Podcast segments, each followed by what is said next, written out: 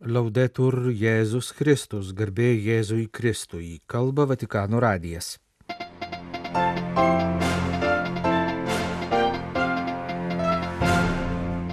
Antradienį buvo minima klauzūros vienuolių diena. Melskimės už besimeldžiančiasias paragino popiežius. Popiežius atsakė į laišką keturioms katalikėms veikėjoms, susirūpinusioms dėl bažnyčios Vokietijoje. Baltarusijoje suimtas katalikų kunigas, vyskupo susirūpinusio dėl masonerijos įtakos balsas iš Afrikos. Ataskaitos apie seksualinį išnaudojimą bažnytinėje aplinkoje Ispanijoje ir Čilėje. Lapkričio 21 dieną bažnyčia minėjo švenčiausiosios mergelės Marijos paukojimą ir šią dieną ypatingai meldėsi už klauzūros seseris vienuoles. Popiežius Pranciškus šį kasmetinį minėjimą pro orantibus dieną priminė X buvusiame Twitterio socialinėme tinkle paskelbtą žinutę, kurioje sakoma Kontemplatyvios moterys yra bažnyčios balsas, nenuilstamai išlovinantis, dėkojantis ir besimeldžiantis už visą žmoniją. Savo malda jos yra paties Dievo bendradarbės. Būkime joms dėkingi ir jas remkime pro orantibus dieną į kasmetinių bažnyčios minėjimų kalendorių 1953 metais įvedė popiežius Pijus XII.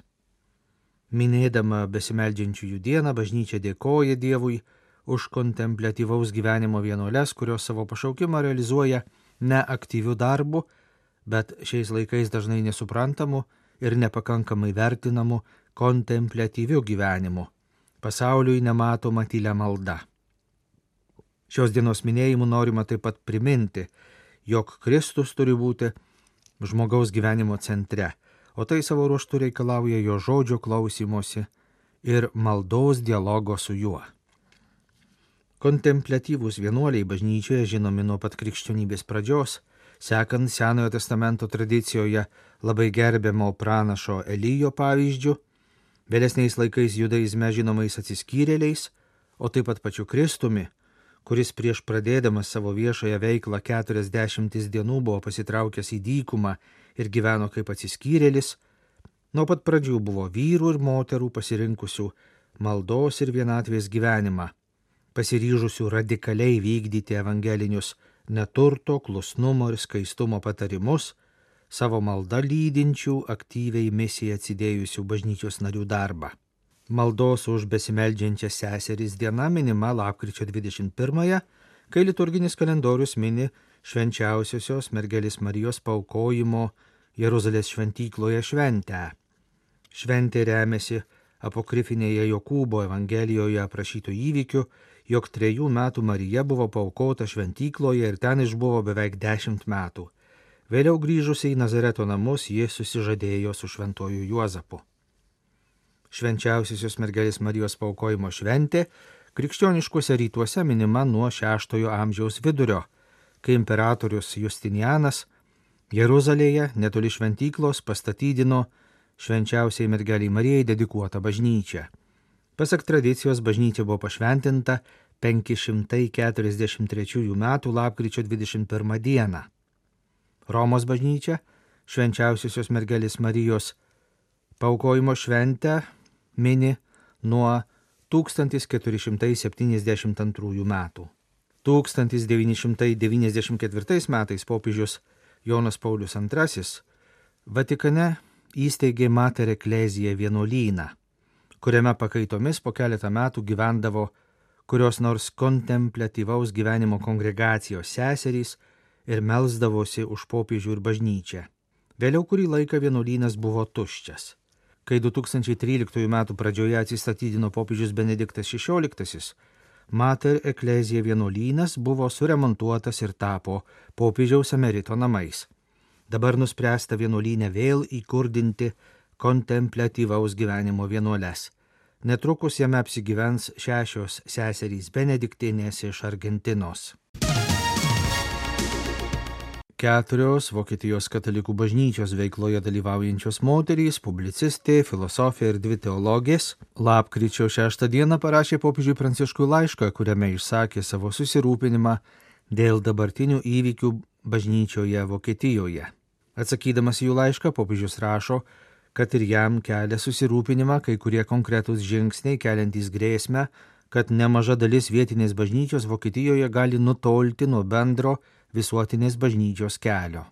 Tarptų žingsnių, pasak popiežiaus, yra ir keturių vokiečių katalikių laiške minimas sinodo komiteto ketinimas sukurti valdymo ir sprendimų prieimimo tarybą, kurios veikla prieštarautų sakramentiniai katalikų bažnyčios struktūrai. Popiežius primena, kad apie tokių sprendimų nepriimtinumą buvo jau rašoma iš Vatikano į Vokietiją šių metų sausio 16 dieną pasiūstame laiške. Atsakydamas į keturių katalikių veikėjų laišką popiežius rašo, kad dabartinių bažnyčios problemų sprendimo reikėtų ieškoti ne kuriant naujas, savo pačioms tarnaujančias struktūras, bet atsiminti maldos, atgailos ir adoracijos būtinybę atsiverti ir išeiti susitikti su broliais ir seserimis, ypač tais, kurie yra apleisti. Praėjusią savaitę Baltarusijoje buvo suimtas katalikų kunigas Henrikas Akalatovičius, Minsko rajono Valažino Šventojo Juozapo parapijos klebonas. Apie kunigo suėmimą pranešusi Vilniuje veikianti tikinčių teisių pažeidimus Baltarusijoje registruojanti organizacija krikščioniškoji vizija Baltarusijai skelbia, kad Baltarusijos režimas kuniga apkaltino valstybės išdavystę. Už tokį nusikaltimą Baltarusijos baudžiamasis kodeksas numato laisvės atėmimo bausmę nuo 7 iki 15 metų. Susirūpinimą kelia 70 metų amžiaus kunigo Henriko Akalatovičiaus sveikatos būklė. Jis neseniai patyrė infarktą, neseniai dėl vėžio jam buvo atlikta skrandžio operacija, sergančiam kunigui reikalinga medikų priežiūra ir vaistai. Masonerija nesuderinama su katalikybė, priminė lapkričio 13-osios dokumente Šventojo sosto tikėjimo dikasterija, nors kai kas ir suabejojo reikalingumu priminti nepakitusi bažnyčios mokymą dėl masonų, Brazavilio arkivyskupas patikino, kad visų pirma Filipinų bažnyčiai skirtas dokumentas aktualus ir katalikams Kongo Respublikoje.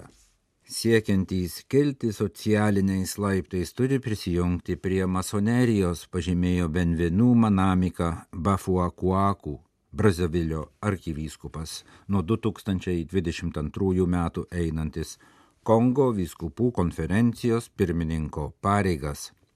Bažnyčia Kongė labai ryštingai patarė to nedaryti, nes tai yra tarsi būdas magiškai pasiekti sėkmę.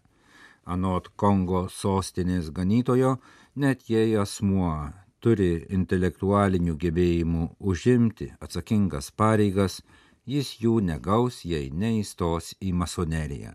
Į ją verbuojama daug jaunuolių. Bažnyčia priešinasi masonerijai, kurios veikimas labiau ezoterinis nei objektivus ir nepadeda visuomeniai. Stengiamės padėti masoneriją sužavėtai inteligentijai, primindami, kad tai nesektinas kelias. Reikia eiti normaliu keliu, be sutrumpinimų, pažymėjo vyriausias Kongo ganytojas. Jis pasakojo tautų evangelizavimo dikasterijos naujienų internetiniai svetainėje apie viskupų dilemą dėl profesiją pradedančių jaunų specialistų, pavyzdžiui, kai dalyvaudami konkursuose į viešas pareigas būna verbuojami prisijungti prie masonerijos, kad gautų postą. Kaip ganytojas raginu likti ištikimam savo tikėjimui, tačiau jis turi išlaikyti savo šeimą. Vyskupams tai pastoracinė problema, pažymėjo Brazavilio arkivyskupas. Tikėjimo mokymo dikasterija atsakydama į Filipinų vyskupo klausimą priminė 1983 m. deklaraciją, kurioje paaiškinta, kad katalikai įsirašę į masonų ložės yra sunkios nuodėmės būsenoje paragino Filipinų viskupų konferenciją įgyvendinti su atskirais viskupais suderintą strategiją ir pasiūlė visose parapijose pradėti katechezę apie katalikų tikėjimo ir masonerijos nesuderinamumą.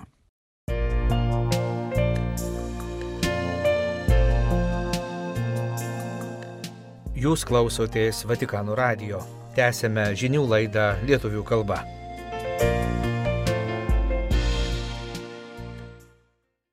Čilėje paskelbta ataskaita apie seksualinį išnaudojimą bažnyčios aplinkoje. Nuo 1960 iki 2023 nustatyti 568 nukentėjusieji ir 225 nusikaltusieji. Reakcija į nusikaltimus dažniausiai buvo pavėluota ir nepakankama, teigiama ataskaitoje. Lapkričio 18 dieną Čilės popiežiškajame katalikų universitete buvo pristatytas dokumentas, skelbiantis Čilėje atlikto seksualinio išnaudojimo bažnytinėje aplinkoje tyrimo rezultatus. Tyrimą užsakė Čilės bažnyčios įkurta kovos su seksualiniu išnaudojimu tarnyba, o tyrimą atliko Katalikų universiteto sudaryta specialistų grupė. Ataskaitos pristatymė dalyvavo Čilės bažnyčios ir civilinės valdžios institucijų atstovai, taip pat Šventojo sosto pasauliečių šeimos ir gyvybės dikasterijos sekretoriaus pavaduotoja bei apaštališkasis nuncijos Čilėje. Dalyvavo ir kai kurių kitų Latino Amerikos šalių vyskupai. Tyrimas buvo atliktas nagrinėjant duomenis saugomus Čilės valstybinių ir bažnytinių teismų archyvuose. Tyrėjai susipažino su visų šalies vyskupijų ir 17 vienuolinių kongregacijų archyvais apimančiais laikotarpį nuo 1960 metų iki dabar.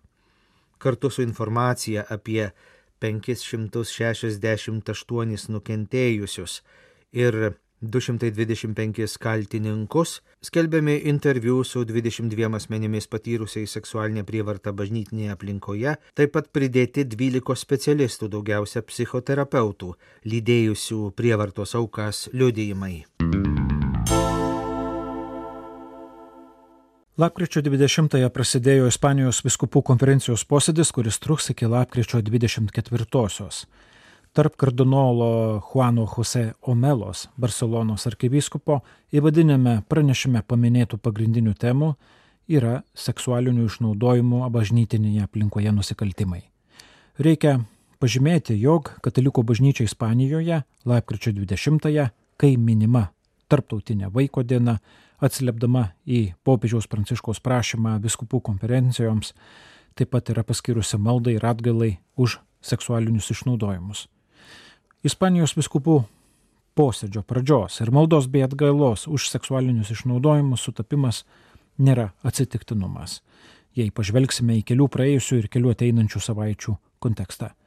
Spalio 27-ąją Ispanijoje paskelbta nauja ataskaita apie seksualinį nepilnamečio išnaudojimą bažnytinėje aplinkoje ir valstybės institucijas, kuris surinko duomenis apie kone 500 išnaudojimo atvejų nuo 1970-ųjų.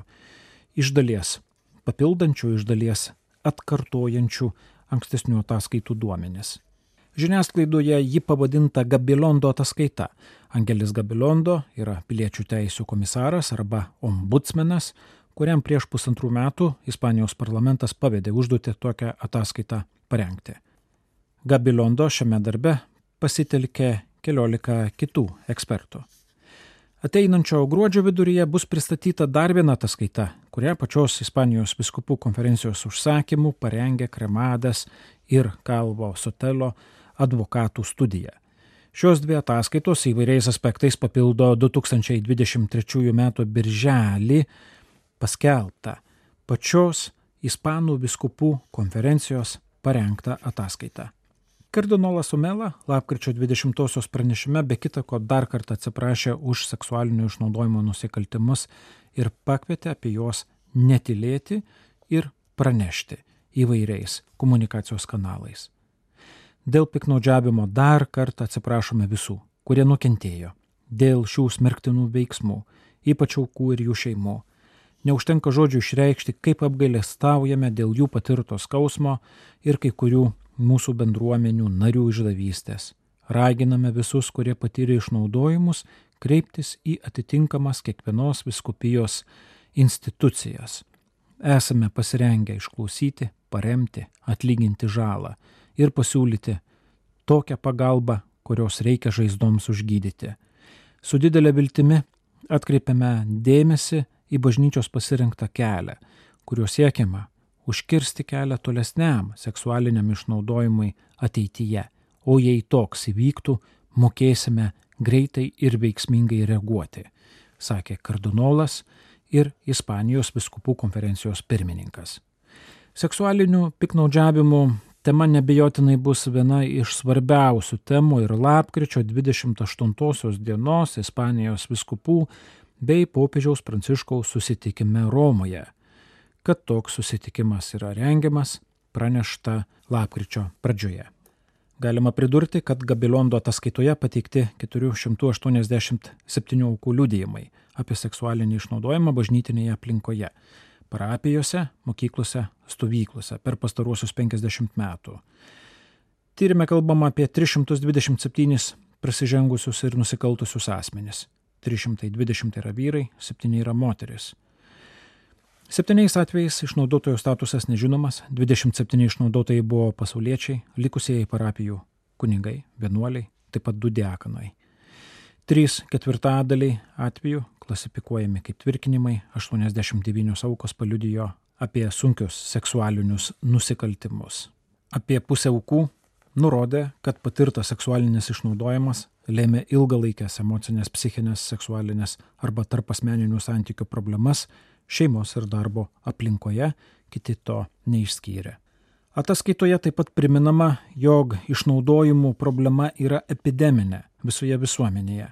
Vien 2021-aisiais Ispanijoje pranešta apie kone 17 tūkstančių seksualinių išnaudojimo aukų. Gabilondo pripažino, kad nors ne visais atvejais bendradarbiavimas su bažnyčios atstovais buvo puikus, bendradarbiaujama tikrai buvo, problema yra įsisamoninta, kaip ir tai, kad tyla apie ją tik didins žalą, o biskupų konferencija anot jo žino, ką turi daryti ir pridurė jis sugebėjęs padaryti. Taip pat vadovaudamasi popiežiaus pranciškaus ir šventojo sosto gairėmis. Kita diena po Gabilondo ataskaitos pristatymo 88 Ispanijos viskupai tiesioginiu ir nuotoliniu būdu surengė pirminį ataskaitos aptarimą ir pakartojo įsipareigojimą žengti tolesnius žingsnius. Galima priminti, kad 2023 m. birželį pristatytoje Ispanijos bažnyčios ataskaitoje kalbama apie 927 aukas 1945-2022 metų laikotarpiu ir 728 nusikaltusius asmenis - kunigus, vienuolius pasauliečius. Dabar vykstančios Ispanijos viskupų plenarinės sesijos metu kardinolas Omela pridūrė, jog taip pat svarbu paminėti skausmą ir užgauliojimą, kurį sukėlė kai kurių žiniasklaidos priemonių tyčinis ir klaidingas duomenų ištraukimas iš vienos ombudsmeno Gabilondo ataskaitoje paminėtos apklausos. Ispanijos viskupų konferencijos pirmininkas užsiminė apie pranešimus, kuriuose skelbta, jog Gabilondo ataskaita nustatė 440 tūkstančių aukų, ką paneigė pats ombudsmenas.